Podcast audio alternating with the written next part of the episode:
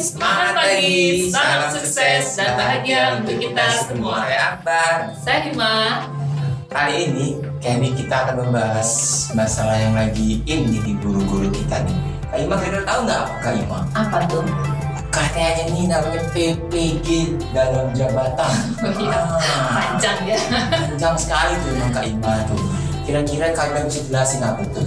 Oke, saya coba jelaskan. PPG dalam jabatan adalah pendidikan profesi bagi guru untuk memperoleh sertifikat pendidik sesuai dengan bidang keahlian mereka. Oh, seperti itu.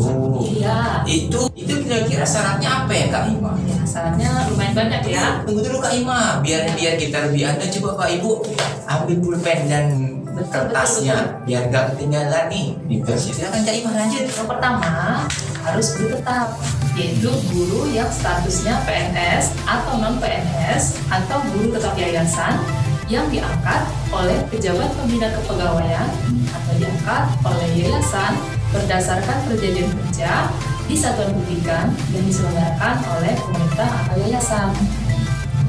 Itu ya Kak Ima ya. Ada lagi syarat yang kedua. Terus apa Yang kedua itu terdaftar di Dapodik. Kemudian diangkat sebagai guru paling lambat 31 Desember 2015. Selanjutnya harus memiliki NUPTK Akbar. NUPTK juga. Iya, itu juga syaratnya yang harus dipenuhi.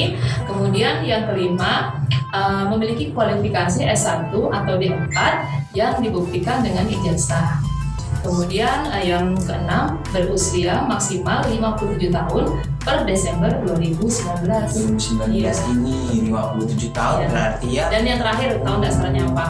Yaitu harus sehat jasmani dan rohani. Ah betul sekali, memang sehat dan jasmani itu alat paling utama Kak Ima.